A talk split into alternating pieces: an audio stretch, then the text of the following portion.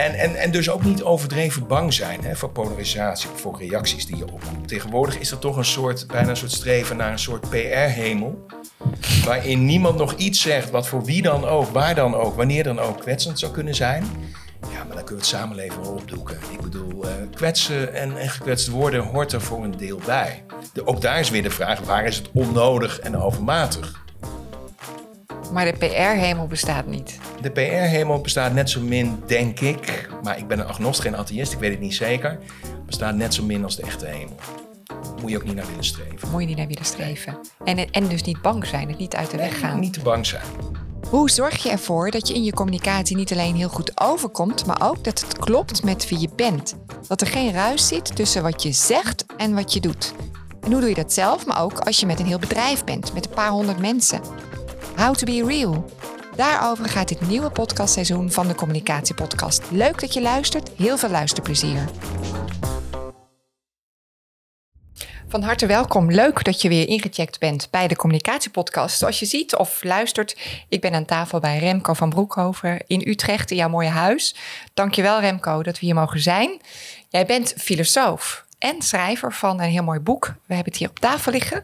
Uh, de wereld omgekeerd hoe je uh, filosofisch omgaat en met, moet ik het goed lezen, goed omgaat met het kwaad. Dat is hem. Ja, dat is hem. En we gaan gelijk maar naar het thema. Um, want hoe kijkt een filosoof naar goed en kwaad? Kan je daar wat over zeggen? Ja, dat is een goede vraag ook. Um, nou, weet je, ik denk dat wat filosofen op de eerste plaats proberen, is uh, woorden die we allemaal gebruiken, en beelden die we allemaal hebben om die uh, wat nader te onderzoeken. En we gebruiken allerlei woorden, gebruiken we eigenlijk zonder erover na te denken wat ze precies betekenen. Uh, en dan hebben we een gesprek en dan gebruiken we hetzelfde woord en we verstaan er misschien totaal verschillende dingen onder, hè, over communicatie gesproken. Dus een van de, de basisdingen uh, die je als filosoof leert is om eh, goed voor jezelf te formuleren en ook naar iemand anders toe uh, te expliciteren, duidelijk te maken wat je bedoelt met de woorden die je gebruikt. Dus wat is goed, wat is kwaad? En wat zou het inderdaad kunnen betekenen om goed om te gaan met, met. het kwaad? Hè? Om dat enorme woord als een soort handgranaat die je hier eventjes op tafel gooit, maar uh, te gebruiken. Ja, dus je kijkt echt naar, de, naar wat betekent wat je zegt eigenlijk. Ja. En dan zul je ook zien dat er in de geschiedenis van de filosofie en überhaupt van de mens, ja, zijn natuurlijk allerlei ideeën geweest van wat goed en kwaad is. Hè? Ook in religies, bij filosofen, nou ja, gewoon eh, in ons huistuin- en keukenleven. En natuurlijk grijp je daar wel op terug. Het is niet zo dat ik eventjes uh, anno 2020, toen ik het boek schreef, uh, ja, de geschiedenis opnieuw uitvind. Ik, ik sta natuurlijk ook op de schouders van reuzen. Ja, hè? Zoals dat gaat. Ja. ja. En, en hoe kijk jij dan naar goed en kwaad? Wat, wat vind jij goed en wat vind jij kwaad? Ja, nou, voor mij um, betekent het goede dat wat bijdraagt aan, uh, aan welzijn.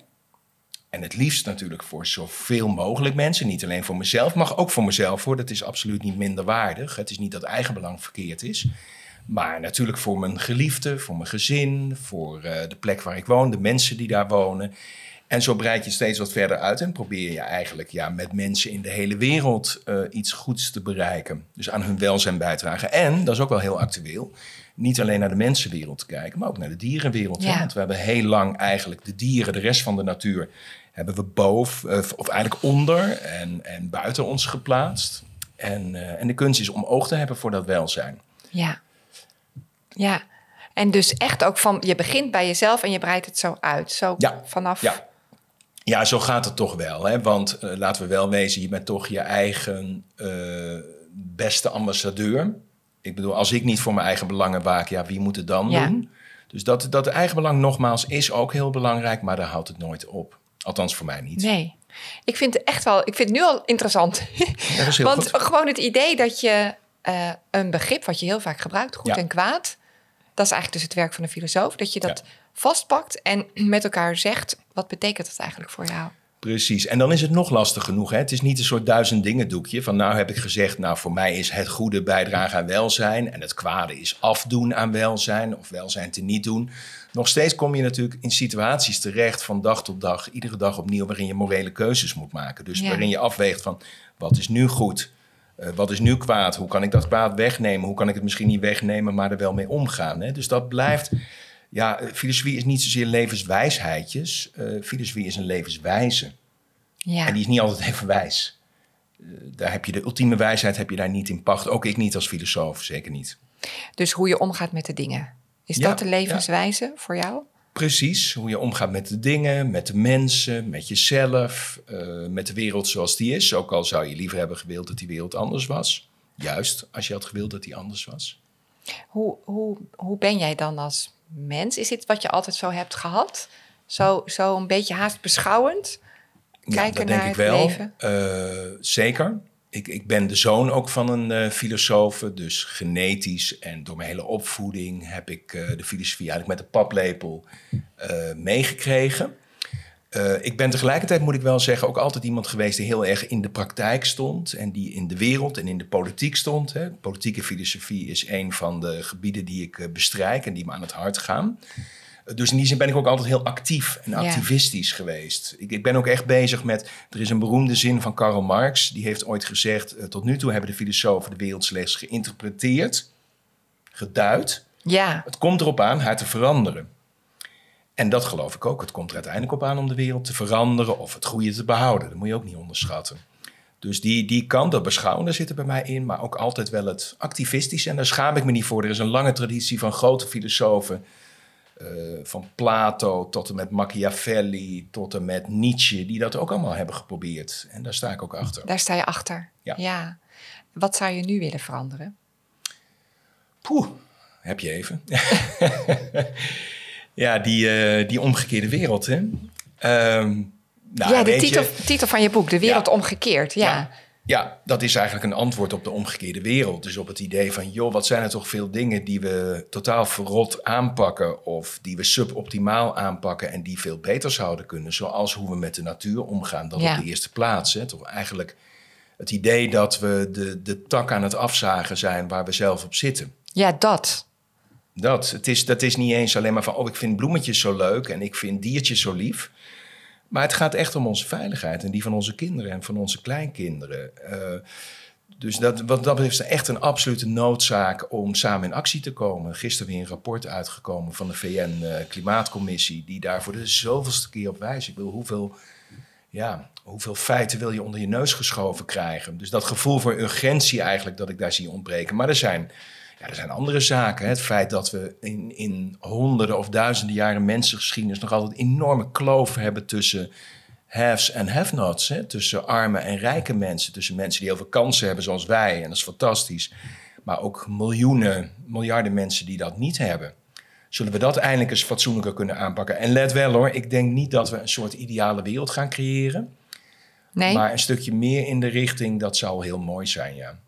De ideale wereld, die is niet eh, binnen handbereik volgens jou. Nou, er is een, een mooie uitspraak. Het volmaakte is de grootste vijand van het goede. Dus als je denkt van het moet echt volmaakt worden en iedereen moet gelukkig worden en alle onrecht en alle oorlog gaan de wereld uit, dat, dat kan je vergeten. Ook daar geloof ik weer dat het kwaad is een realiteit. Dat we als mensen ook voor een deel zelf veroorzaken of waar we niet zomaar mee afrekenen. Dus soms is het gewoon hoe kan je daar zo goed mogelijk mee leven? Is dat wel heel wat? Maar op een ander vlak mogen we absoluut revolutionaire stappen nemen. Dus als het om dat milieu gaat, over die kloof tussen haves en have-nots. Over de democratie in leven houden, of de democratie ook wereldwijd uitbreiden. Hè, tegenover de Poetins en de Erdogans van deze wereld. Ja, nou Dat. kijk, nou ben ik weer de activist, hè, maar Ja, eh, mooi. ja, voor mij heeft dat met elkaar te maken. Ja, want ik ben dan wel heel geïnteresseerd, maar dan gaan we natuurlijk ook naar het thema van de podcast. Want dat is eigenlijk hoe kan je met communicatie dingen veranderen en tegelijkertijd dicht bij jezelf blijven, how to be real. En in deze voorafgaande serie hebben we heel veel vanaf verschillende kanten naar dit thema gekeken. En ook wel natuurlijk, dan heb je het dus over van hoe verhoud je als organisatie eh, tot de wereld? En welke plek neem je in? Zeker. Hoe blijf je bij je doelen en bij je visie? Maar we hebben nog nooit gekeken naar dat thema goed en kwaad. En zo heel echt dat zo uitgesproken. Van ja, maar je be- bevindt je dus blijkbaar in een samenleving waar die twee krachten spelen. Ja, ja, altijd en overal in ieder zijn leven. Kijk, ehm, mensen beseffen eigenlijk maar zelden hoeveel van onze keuzes moreel zijn. Dus over goed en kwaad zijn. Hè? En, en, en eigenlijk ook de potentie die je altijd hebt om het goede te doen. Ik bedoel, eh, wat je eet en wat je drinkt. Hè? In hoeverre kan je rechtvaardigen dat je, ja, dat je toch dode dieren eet? En, en dat je daarmee ook overigens het klimaatprobleem eh, extra in stand houdt. Hè? Ik bedoel, daar is een verhaal over te houden hoor. Ik zeg niet, ik, ik heb zelf op een gegeven moment na heel lang ploeteren en twijfelen heb ik de keuze gemaakt om van vegetarisch vegan te worden. Ik, ik realiseer me heel goed dat dit niet voor iedereen is weggelegd of dat mensen goede argumenten kunnen hebben om dat niet te doen. Als je maar over nadenkt. Dat, als je het maar over nadenkt. Dat al. En als je niet zomaar gedachteloos van alles in je mond propt en daarmee doorgaat, lijkt me sowieso nooit verstandig. Ehm, maar ook bijvoorbeeld hoe je in het verkeer opstelt. Hoe ga je om met andere mensen in het verkeer? Zie je ze puur als obstakels omdat jij snel van A naar B wil? Of handel je met respect en met, met je aan algemene regels houden die nu eens in mijn voordeel uitpakken en dan in dat van jou? Nou ja, zo kunnen we eindeloos eh, voorbeelden blijven noemen. En ik denk inderdaad dat je als communicatieprofessional. eh, Ik, ik, ik zei er net eigenlijk al met zoveel woorden dat filosofie in de essentie zuivere, heldere communicatie is. Dus ook professionals in de, in de communicatie hoeven geen filosofen te worden, maar kunnen wel nog wat beter dan ze al doen. En ik denk dat ze het vaak prima doen. Nadenken over, hé, hey, wat voor rol speel ik in de communicatie? Ja, Tussen organisaties en organisaties, tussen mensen en organisaties, tussen verschillende mensen in deze gepolariseerde samenleving. Noem maar op. en hoe zou je dat dan praktisch kunnen maken? Heb jij daar ook tools voor of zo? Mhm. Want ehm, in de waan van de dag ben je gewoon met je werk bezg en je Ja. start om half negen je laptop Ja, op nee, dat en de eerste calls beginnen. Ja, en er zijn deadlines. Ja. En er zijn huren en hypotheken te betalen. En eh, nou, noem maar op. Hè. Dus dat is allemaal eh, de realiteit. Eh, alleen ik denk dat goed nadenken over je vak en over de morele en de ethische kanten daarvan is, is nooit luxe. Nee, Eh, dat is eh, denk ik een noodzaak. Tenminste, als je in het leven niet alleen maar eh, centjes wil verdienen en nou ja, aan jezelf en aan je gezin wil denken of aan je opdrachtgever, maar je wil ook echt wat goeds betekenen, dan is het geen luxe, dan is het noodzaak en ook eigenlijk heel leuk en interessant om na te denken over die vraagstukken van wat is goed en kwaad in mijn concrete cases. ja, In de cases die jij hebt te behandelen. En daar ook met je collega's samen over te praten, daarover te sparren en van gedachten te wisselen. En dan gewoon een sessie inplannen, Ja, halve middag Ja. eh, gaan zitten. En daar hoef je, hoef je mij als filosoof niet eens per se voor in te huren. Hè? Ehm, maar daar kan je ook gewoon samen eh, een goed gesprek over hebben en eens even de tijd voor nemen. En soms, ook als je weinig tijd hebt, toch nog net dat kwartiertje of dat half uur te nemen om nou, wel te denken van... hé, hey, maar wat is de impact hiervan op nou ja, de mensen die uiteindelijk door de organisatie worden bediend... of die daar werken, Ja. of de samenleving hè, in, als groter geheel. Ja, en moet je daar dan niet ook juist de directie bij hebben, bijvoorbeeld, of Ja. een bestuurder? Ja, Want zeker. anders zit je met wat mensen in een, in een zaaltje. Maar soms kan het ook zo enorm voelen van hoe krijg ik nou die club mee? Ja. Ja, dus daarvoor ben je afhankelijk van, eh, van je eigen communication skills, als het ware. Hè? Hoe, hoe goed weet jij een, een eh, directie of andere groepen binnen een bedrijf eh, in iets mee te nemen? En je hebt natuurlijk een adviserende rol, dat realiseer ik me heel goed. Maar je kan een, eh, eh, moet ik zeggen, een suboptimale adviseur zijn. En je kan een hele optimale en slim opererende adviseur zijn. Ja, dat is voor jullie de kunst. Ja, En als je het slim doet, dan geef je natuurlijk de directie altijd het idee dat ze het zelf verzonnen ja. ja. Ja. ja. Nou ja, en bijvoorbeeld nu, we zijn, we zijn nu, eh, we nemen deze podcast op net na de verkiezingen. Ja. Dat zou al een aanleiding kunnen zijn misschien eh, voor bepaalde projecten waar je in zit. Van hé, hey, wat gebeurt er nu? Ja. Eh, Ja, ja, met wat je de afgelopen week gezien hebt aan eh, eh, het punt dat blijkbaar moest worden gemaakt door, eh, door een deel van de samenleving dat zich in de kou gezet voelde. Hè? Even los van of dat terecht is en in hoeverre dat terecht is. En weer een ander deel van de samenleving dat zich vervolgens druk maakt dat nou, deze mensen pakweg een vijfde van de stemmen hebben binnengehaald. Eh, nee, ik zeg, ik zeg het, het is meer inmiddels. We zitten voorbij het kwart. ja, Dus eh, BBB heeft eh nou, pakweg 20 procent. En dan heb je nog die andere partijen die ook toch wel op de onvrede eh, inspelen van groepen mensen. En dan heb je zo'n 28 procent. ja. Dat is vrij nieuw, dat is vrij ongehoord hoor. Zoveel eh, eh, proteststemmen hebben we eigenlijk nog nooit gehad Niet, in hè? Nederland. Fortuin was eigenlijk het begin en in die 20 jaar zijn we nu dus op die bijna 30 procent eh, beland. En daar heb, je, daar heb je mee te dealen. Wat zegt jou dat als filosoof? Hoe kijk je daarnaar? Ben ik benieuwd naar. Eh, met grote interesse, eh, soms ook wel met zorg. Ehm, en, en vooral met dus de uitdaging om daar op een positieve, En een intelligente, psychologisch intelligente manier mee om te gaan. Ik, ik zie heel veel in mijn netwerk. Eh, mijn netwerk is heel, wat ik op social media heb, hè, eh, Ja. wat ik op social media heb, is heel divers. Dus ik heb zowel zeg maar mensen uit die achterban van eh, bijvoorbeeld de BBB, eh, maar ook nou, mensen die totaal aan de andere Ja, kant van het spectrum staan. Dus Ja. ik vind, dat vind ik ook heel gezond om Ja. al die eh, geluiden te blijven horen, ook als ik het er niet mee eens ben. En ik heb bijvoorbeeld een post geplaatst op LinkedIn de afgelopen week, waarin ik probeerde om een soort common ground te vinden voor die beide groepen. Want ik begrijp dat, dat boerensentiment, of althans van een deel van de boeren. Ja. Maar ik ben ook iemand die absoluut in eh, radicale klimaatactie gelooft. Daar kunnen we niet meer omheen. Dus hoe ga je nou de common ground vinden? Dat Ja. boeit mij. Ja, En ik denk dat de common ground primair ligt, en dat is een lastige boodschap om te communiceren, maar die moet denk ik op een gegeven moment wel gecommuniceerd worden, in de pijn eerlijk verdelen. In de Ja. prijs van de veranderingen die we zullen moeten doormaken, proportioneel met de zwaarste schouders de meeste last, eh, weten te presenteren. ja. Dat is heel erg de uitdaging. Dus dat je aan gaat geven van niet alleen die boeren gaan afzien, want er, gaan, er gaat afgezien worden. Maar, door Maar iedereen groepen. moet Maar daar krijgen we wel wat voor terug. Daar krijgen we fantastische dingen voor terug. ja, dus ook dat er tegenover zetten. Ja. Wat dus je ervoor het positieve perspectief, niet alleen maar de nachtmerrie, maar ook de droom. En, en de grotere visie van niet alleen de boeren, maar ook burgers, bedrijven, Schiphol, hè, noem het maar op. Ja. Bouw. We zullen allemaal een bijdrage moeten leveren. En dat heb ik wel heel erg gemist bij, eh, bij ons kabinet de afgelopen Ja. jaren. Nou ja, het is zonder helemaal in een podcast te belanden over de politiek. Maar Ja. het laat natuurlijk iets zien van wat mensen hebben gemist. Het stukje van, ja, maar waar ben ik dan in dit grote geheel? Word ik gehoord? Is er Ja. aandacht voor mij? precies, dat stuk. precies, En daar heb je als communicatieprofessional natuurlijk echt wat in te doen. En tegelijkertijd is het zo'n mega vraagstuk dat je af en toe ook bijna kan verlammen. Tenminste, dat Ja. merk ik bij mezelf. Ja, dat, dat realiseer ik me heel goed. En, en ik schrik persoonlijk niet zo terug van mega vraagstukken. Om de een of andere reden, ja, dat is dan mijn afwijking. Heb ik van jongs af aan, heb ik me altijd met mega dingen bezig gehouden. Misschien omdat ik weet dat ik ze niet in mijn eentje hoef op te lossen. Dus het is meer van, heb je überhaupt de visie? En vervolgens heb je de communicatie om die visie over te brengen. Ja, die Het is twee. niet alleen maar communiceren. Dat heb je de visie Visie en Ja. communicatie. Ja, zeker. En hoe, hoe scherp je je visie aan? Heb je daar tips voor? Kranten lezen of wat moet ik doen? Eh, Niet alleen kranten, denk ik, want die blijven vaak ook in de baan van de dag hangen. En die doen ook eigenlijk eh, voor een grotere allemaal hetzelfde kunstje, het, het rondje linksom of juist rechtsom.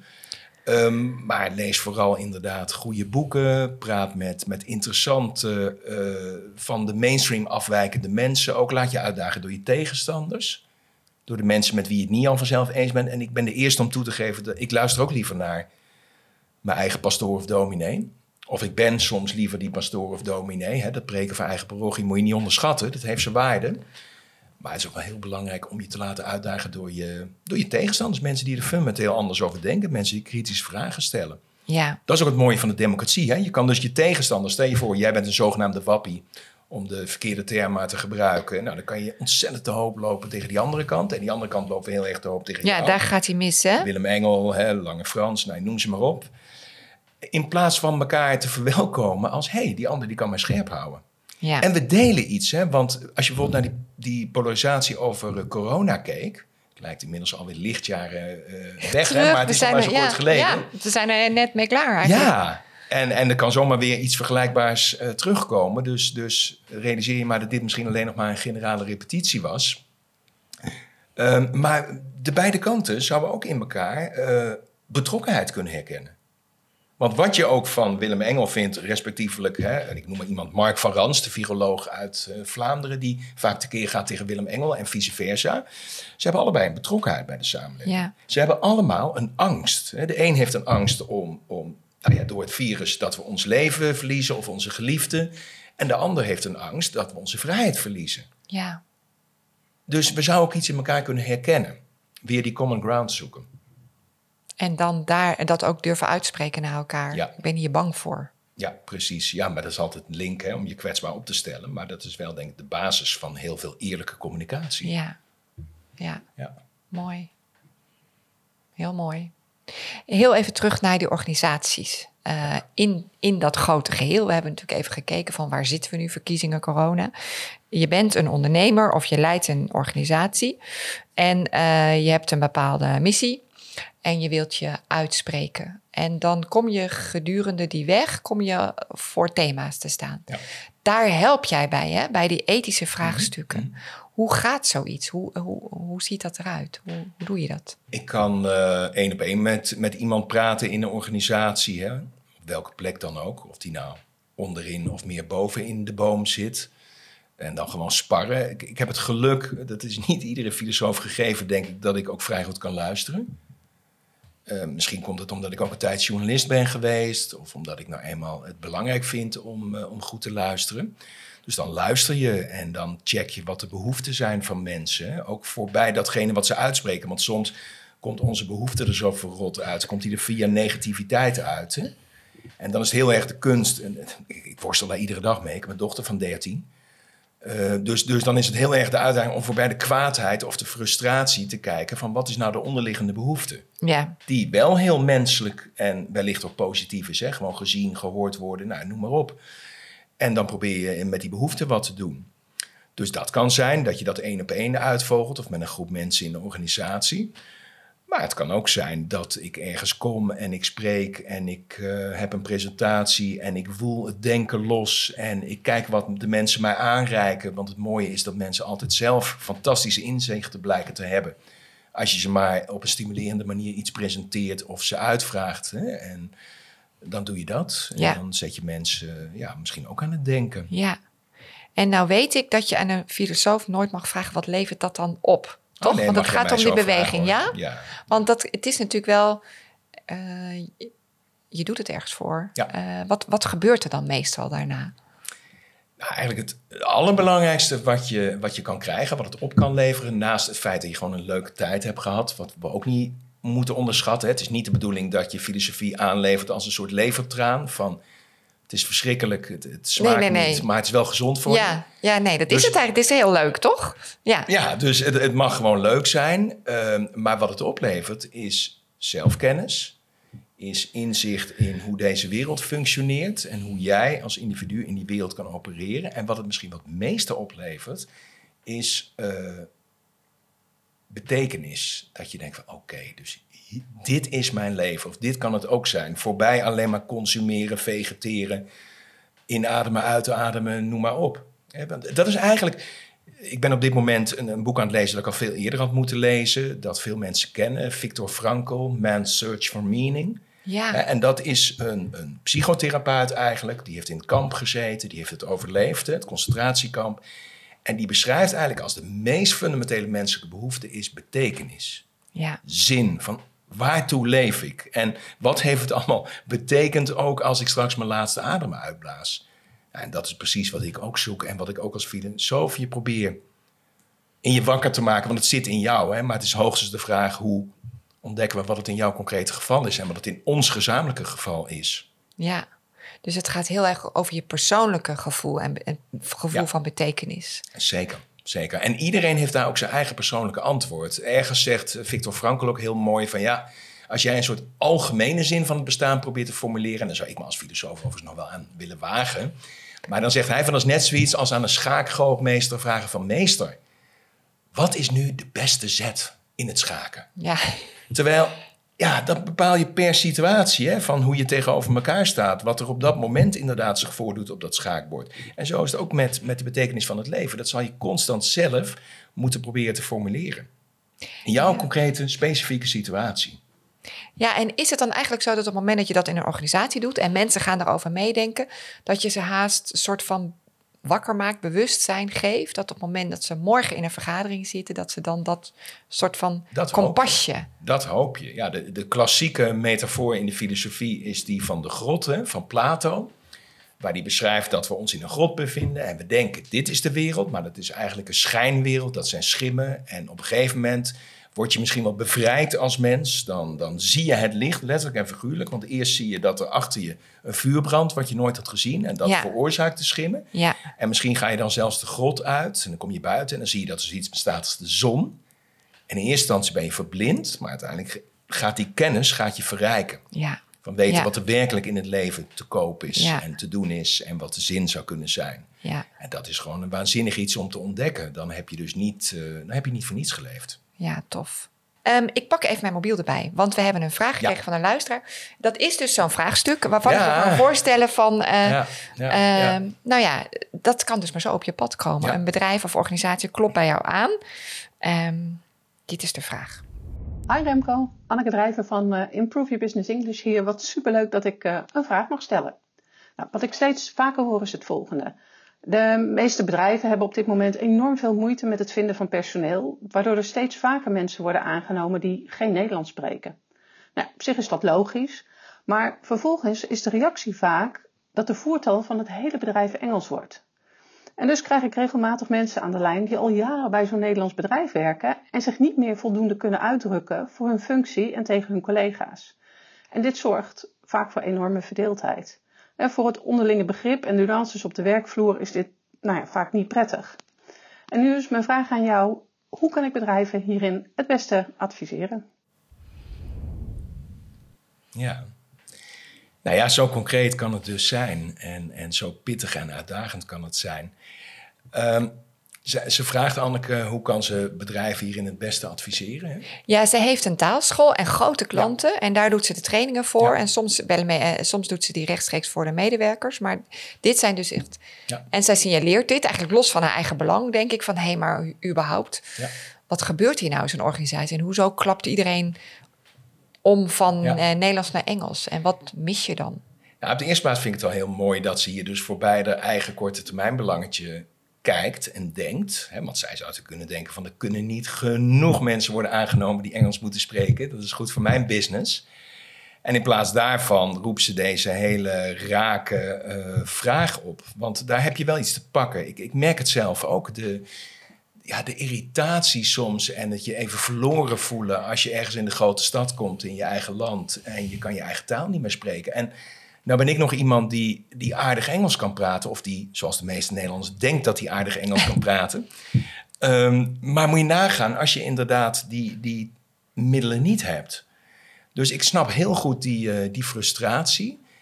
En weet je, dan is het eigenlijk ja, een, een soort tweesnijdend zwaard. Enerzijds hebben we hier dus een groot maatschappelijk probleem, namelijk dat er eh tekorten op de arbeidsmarkt zijn. Hè? Of beter gezegd, er zijn eh, nou ja, heel veel plekken weer te vervullen en niet genoeg mensen die die plekken willen vervullen of kunnen vervullen. Nou, daar moeten we voor, heb je het weer bij de politiek zijn.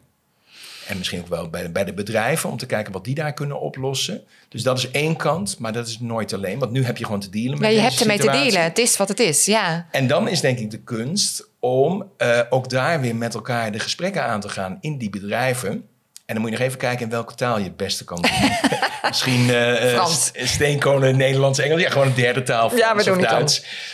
Ehm, en, en dan kijken, want het is ook wel weer niet zo dat als mensen Engels moeten praten, ze hebben er eigenlijk wat moeite mee, dat ze prompt helemaal verloren zijn. Hè? We kunnen vervolgens, als we de tijd nemen, A, inderdaad proberen zoveel mogelijk mensen Nederlands te laten leren. Die hier, dat moet uiteindelijk denk ik wel je doel zijn in dit land. Dat we met elkaar Nederlands kunnen praten. Ja.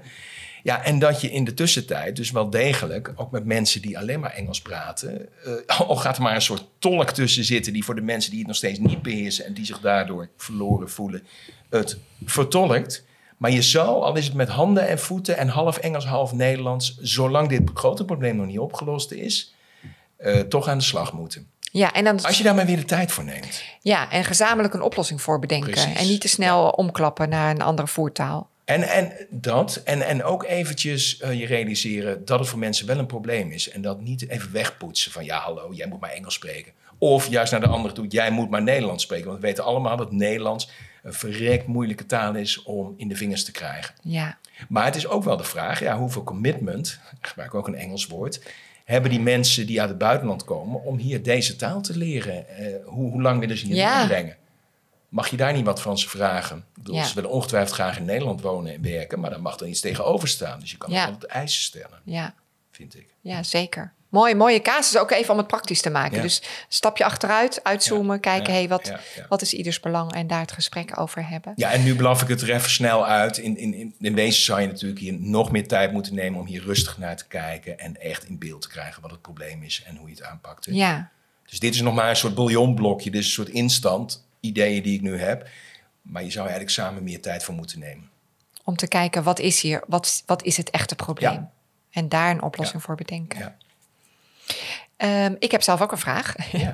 maar dan gaat het over een thema dat we aansnijden samen met jou. We organiseren Ja, op ja, 4 ja, april een communicatielounge in Utrecht. En daar gaat het heel erg over communicatieadviseur zijn in een gepolariseerde samenleving. Omdat we eigenlijk, en dan praat ik even namens mijn eh, vakgroep en de mensen, collega's, ook veel collega's die nu luisteren.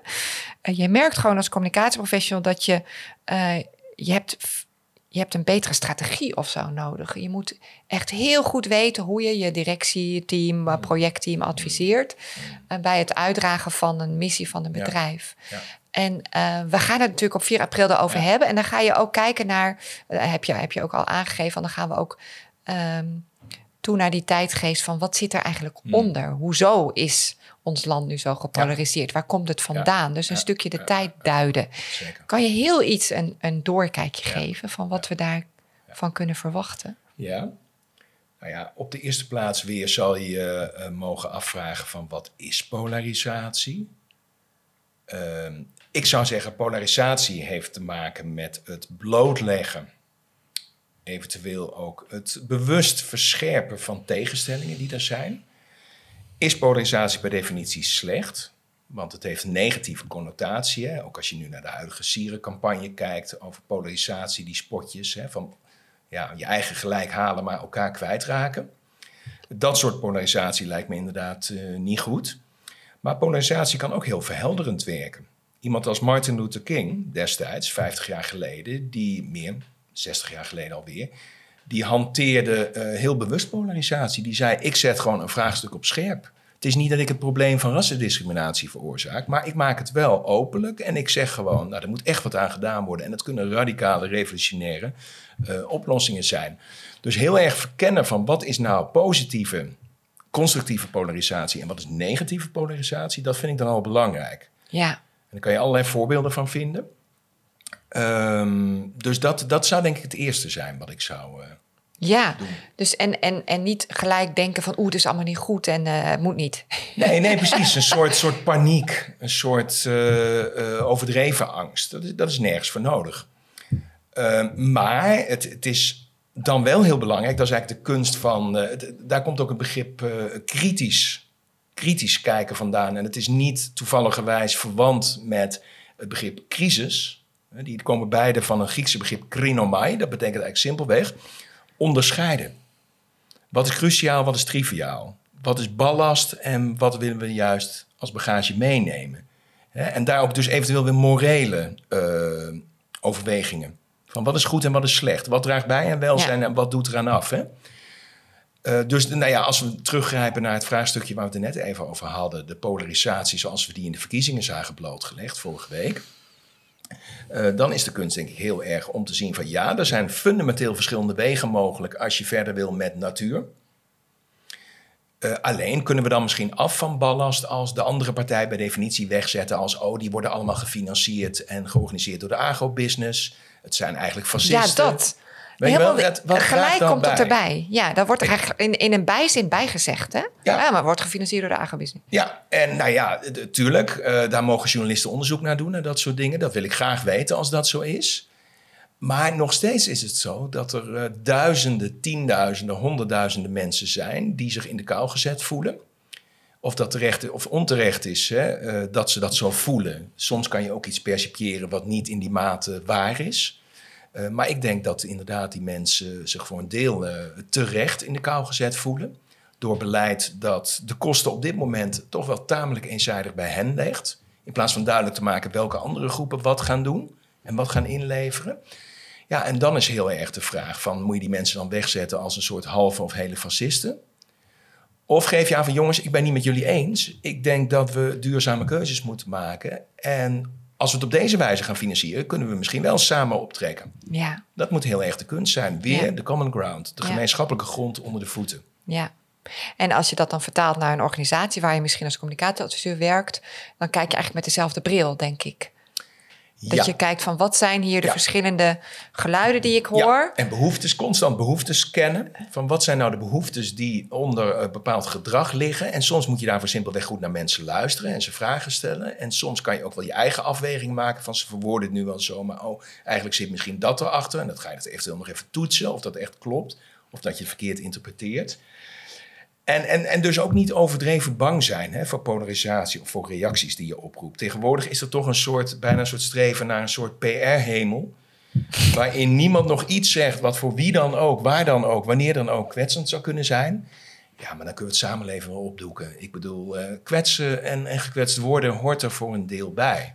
Ook daar is weer de vraag, waar is het onnodig en overmatig?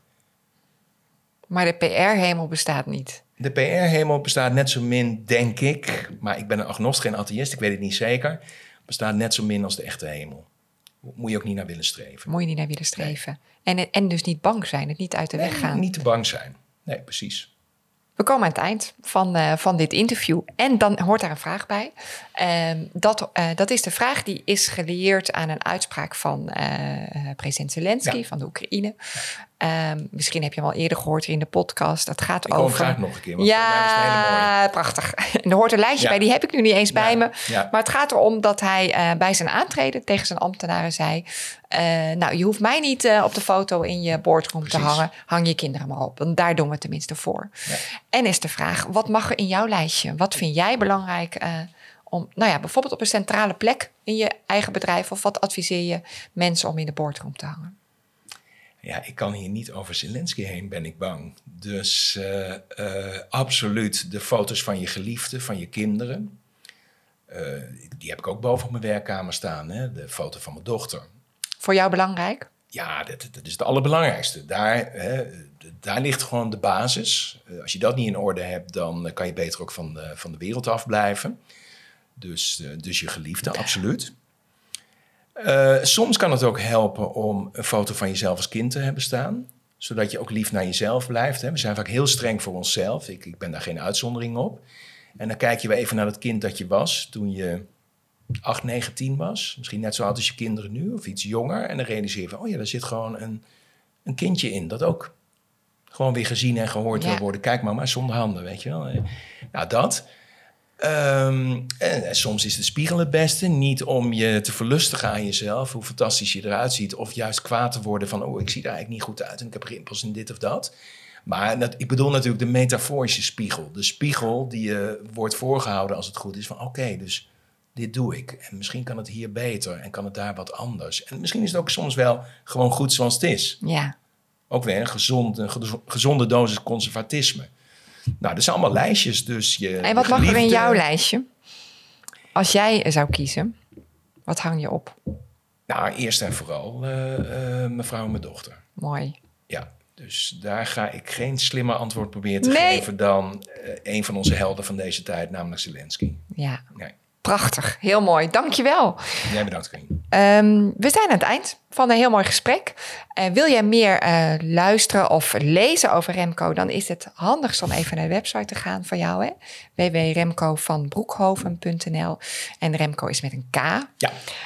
Um, als je dat doet, dan maak je kans op een boek uh, jouw boek. We gaan drie boeken weggeven, de wereld omgekeerd. Dus als je zegt, oh, ik vind het juist fijn om even zo'n reflectiemoment te pakken. Ja. En ik heb ineens voor mezelf helemaal scherp van, oh ja, ik mag mijn verantwoordelijkheid wat beter daarin nemen.